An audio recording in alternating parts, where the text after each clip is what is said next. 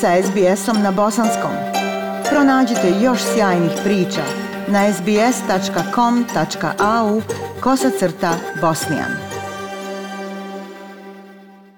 U našem današnjem programu govorimo o sportu, zapravo o najvažnijoj sporednoj stvari na svijetu, futbalu. Dok se u nekim australskim saveznim državama život odvijao gotovo normalno u vrijeme globalne pandemije koronavirusa, i čiji su stanovnici bili pošteđeni strožih restriktivnih mjera, dotle je život u Melbourneu gotovo bio stao. A kako je to grad sa najbrojnijim futbalskim timovima bosansko-hercegovačkog predznaka, sa priličnom sjetom su igrači i brojni ljubitelji sporta pratili onako iz daleka svoje bratske klubove, napredak u ligama i uopšte njihove aktivnosti i nastupe širom Australije. Ipak Melbourne se otvorio, i sa izuzetno visokom stopom procijepljenosti svojih stanovnika, optimistički i sa puno elana, žuri prema normalnijem životnom toku i ritmu. Želeći da se u Melbourne što prije vrati sport i da dodamo dozu optimizma i podršku nogometu, razgovaramo danas sa gospodinom Agimom Dobrunom, podpredsjednikom i osnivačem Sveaustralskog sportskog saveza Australije, bosansko-hercegovačkih futbalskih timova i glasnogovornikom futbalskog kluba Đerzelez iz Melburna. Gospodine Dobruna, srdačna dobrodošlica u program SBS Radija. Poštovanje, draga Iša, tebi i tvojim slušalcima od srca selami iz Melburna koji je tako bio zatvoren hermetički kao i Australija kao kontinent. Ta hermetičnost nam je jako teško pala tako da smo zaustavili sve pogone. Najviše mi je žao pogone mladi, to su oni do 7 godina, preko 7 do 8, 9, 10 godina, ti pogoni su stali nedužna djeca koja nemaju puno problema sa COVID-om, nisu imali mogućnost da rade i da se vježbaju, odnosno da se igraju na čistom zraku. Te posljedice se osjećaju i danas. Evo, mi smo u ovoj godini nekako u proljeće održali ipak viktorijanski turnir i BH centar iz Pringola je bio domaćin i analogno tom viktorijanskom turniru ja sam očekivao kao podpredsjednik ovog sportskog saveza da ćemo moći uspjeti ako bude lockdown zaustavljen E, organizovati takozvani sve australski turnir na nivou Australije. Domaćin sve australskog turnira trebalo je da bude Bosna Mrgun, međutim oni su u poziciji da imaju problema više kategorijski. Zapravo imaju i subjektivni i objektivni problema, tako da nisu bili u poziciji da odgovore tom delikatnom zadatku, onda smo mi u Sportskom savezu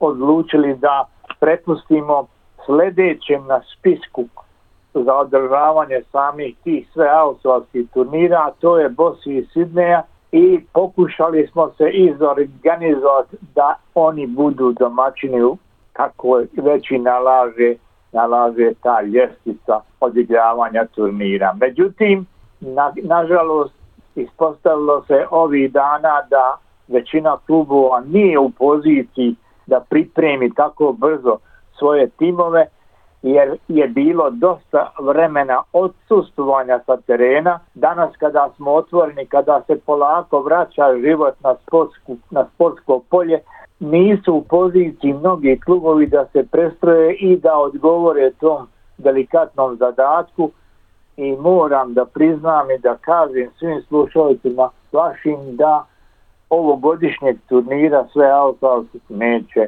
biti.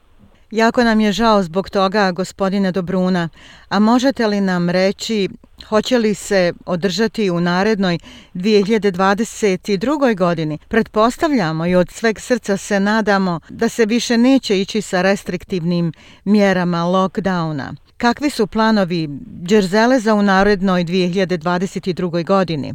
drago mi je što mogu nastaviti u kontinuitetu i odgovoriti na to vaše pitanje, jer u narednoj godini, iako smo prepustili bili da ove godine organizuje sljedeći poredo, a to je Bosni i Sidney, u narednoj godini vratit ćemo to i Bosna Melbourne kao domaćin će biti u 2022. Znači, očekujemo, pošto su počeli treninzi, redovni, i po, pošto je lockdown prestao, očekujemo da će se moći realizovati taj turnir u 2022.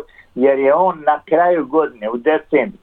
E, važnije je to napomenuti da će vjerovatno e, ovaj, viktorijanski biti održan u aprilu mjesecu kada je opet Bosna Melbourne isti domaćin, isti klub, e, potrebilo se da u istoj godini ima dvije, dvije organizacije turnira, jednu viktorijanskog nivoa i jednu sve australskog nivoa. Dakle, započele su aktivnosti, a kada je u pitanju Djerzeles, mogu sa radošću da konstatujem da je počelo prvo druženje na travi, na zelenoj travi, na čistom zraku, ujedno i upis svih novih članova, kupovina opreme, i pripreme kao da smo se probudili iz nekog dubokog sna. Jako čudno, ali istinto. Uglavnom, da slušalci znaju, treninzi su počeli i postali redovni i više neće biti, bar se nadamo, nikakvih prepreka. Lockdown u Melbourneu je zaista bio dug i ono kako ste ga vi opisali kao neki duboki san gdje je Trno Ružica zaspala, pa tako i Džerzelez, eto, drago nam je da se ponovo budi. Ipak, Vi ste tokom ove pandemijske tišine, e, vi ste je iskoristili na jedan veoma kreativan način. Napisali ste monografiju o vašem timu Džerzelez, čiji ste hroničar i glasnogovornik od njegovog osnivanja. Agime, recite nam nešto više o tome. Kada se možemo nadati publikaciji knjige? Hvala na tom pitanju. Meni je drago da se da ima interesovanja za tu knjigu ja sam nagla, najavio davno još prije ovog lockdowna da ću knjigu pisati i iskoristio sam lockdown stvarno, tako je istina, za pisanje i napisao sam knjigu. Knjiga je završena, sada imaju one tehničke stvari, to su lektura, cenzura i tako dalje, da ne kaže drugčije, ovaj, ali prečišćavanje teksta i priprema za štampanje knjiga je završena, ja sam sretan, mislim da će biti dobra zato što svu onu dokumentaciju koju sam gomilo kod sebe, čuvo, ljubomorno stavio sam u knjigu i mislim sa onim zajedničkim slikama koje sam također stavio i pohranio u knjigu, da će to biti jedna lijepa istorijska knjiga koja će ostati iza nas i koja će svjedočiti kako smo bili ovaj, prema sportu ovaj, opredijeljeni šta smo radili i kako smo se takmičili. Mislim da je najveći ponos što smo održali u toku ovih 25 godina koje sam ja opisao u knjizi, održali 30 turnira sve australski, znači na nivou Australije. U tih 30 turnira nikad nije bilo takozvane tuče, da ne kajem drugčije, nego nikad nije bilo prekida turnira zbog tuče. To je nešto što se samo opisat da, a nikako ne može i doživit da, nikako ne može da, da, da se zamišlja kako je to, šta je to. Uglavnom ja sam eto i to opisao, znači mi smo u toku 30 turnira, a to nije mala cifra, odradili svih 30 bez velikih poteškoća. Vjerujem da će knjiga biti zanimljiva ne samo za članove futbalskog kluba Đerzelez, već i za širu bosansko-hercegovačku zajednicu, jer je predstavljen historijat ne samo osnivanja i života kluba, njegovog rasta, nego život zajednice koja je pratila i koja je dolazila i na turnire i na utakmice, na treninge i tako dalje. Mislim da će biti jedan zanimljiv zapis za širu australsku bosansko-hercegovačku zajednicu. Gospodine Dobruna, šta biste vi poručili našim slušaocima? Vjerujem da ostanu optimistični.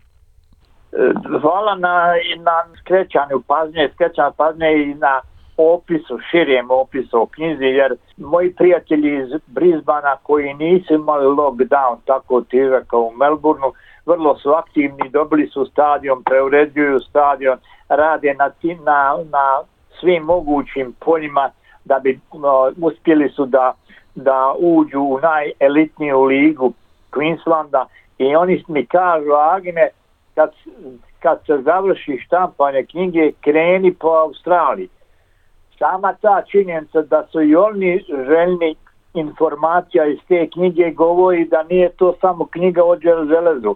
Ona je naslovljena na Đerzelez, ali ja sam kroz tu knjigu obradio i turnire, a turniri to su učesnici svih naših klubova u Australiji i pa svake godine kako se šta dešavala, ja sam to obrađivo, što znači komotno mogu krenuti po Australiji i ovaj obila Danivac tu svoju, tu svoju knjigu.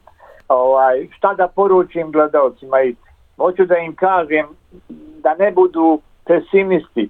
Ja lično sam optimista, već planiram putovanje ako bude zdravlja iduće godine u Bosnu nisam dugo bio pa sam poželio ali to je plan planiranje međutim tvrdim i zato i to je poruka tvrdim da je, je pošast iza nas i tvrdim da je, je pred nama svjetlo iz, iz tunela i da će i da se više ova pošast neće neće ponoviti.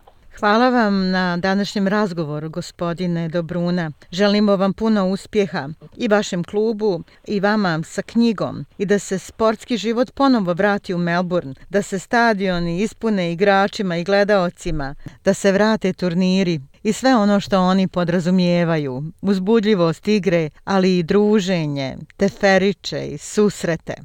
Tako je. Hvala i vam Ajša na ovom finom zaključku, da ne kajem liče za došetku priče. Bilo mi je jako drago i prijatno govoriti sa vama.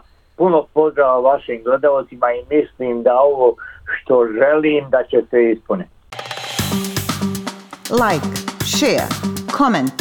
Pratite SBS Bosnijan. Like, share, comment. na Facebook.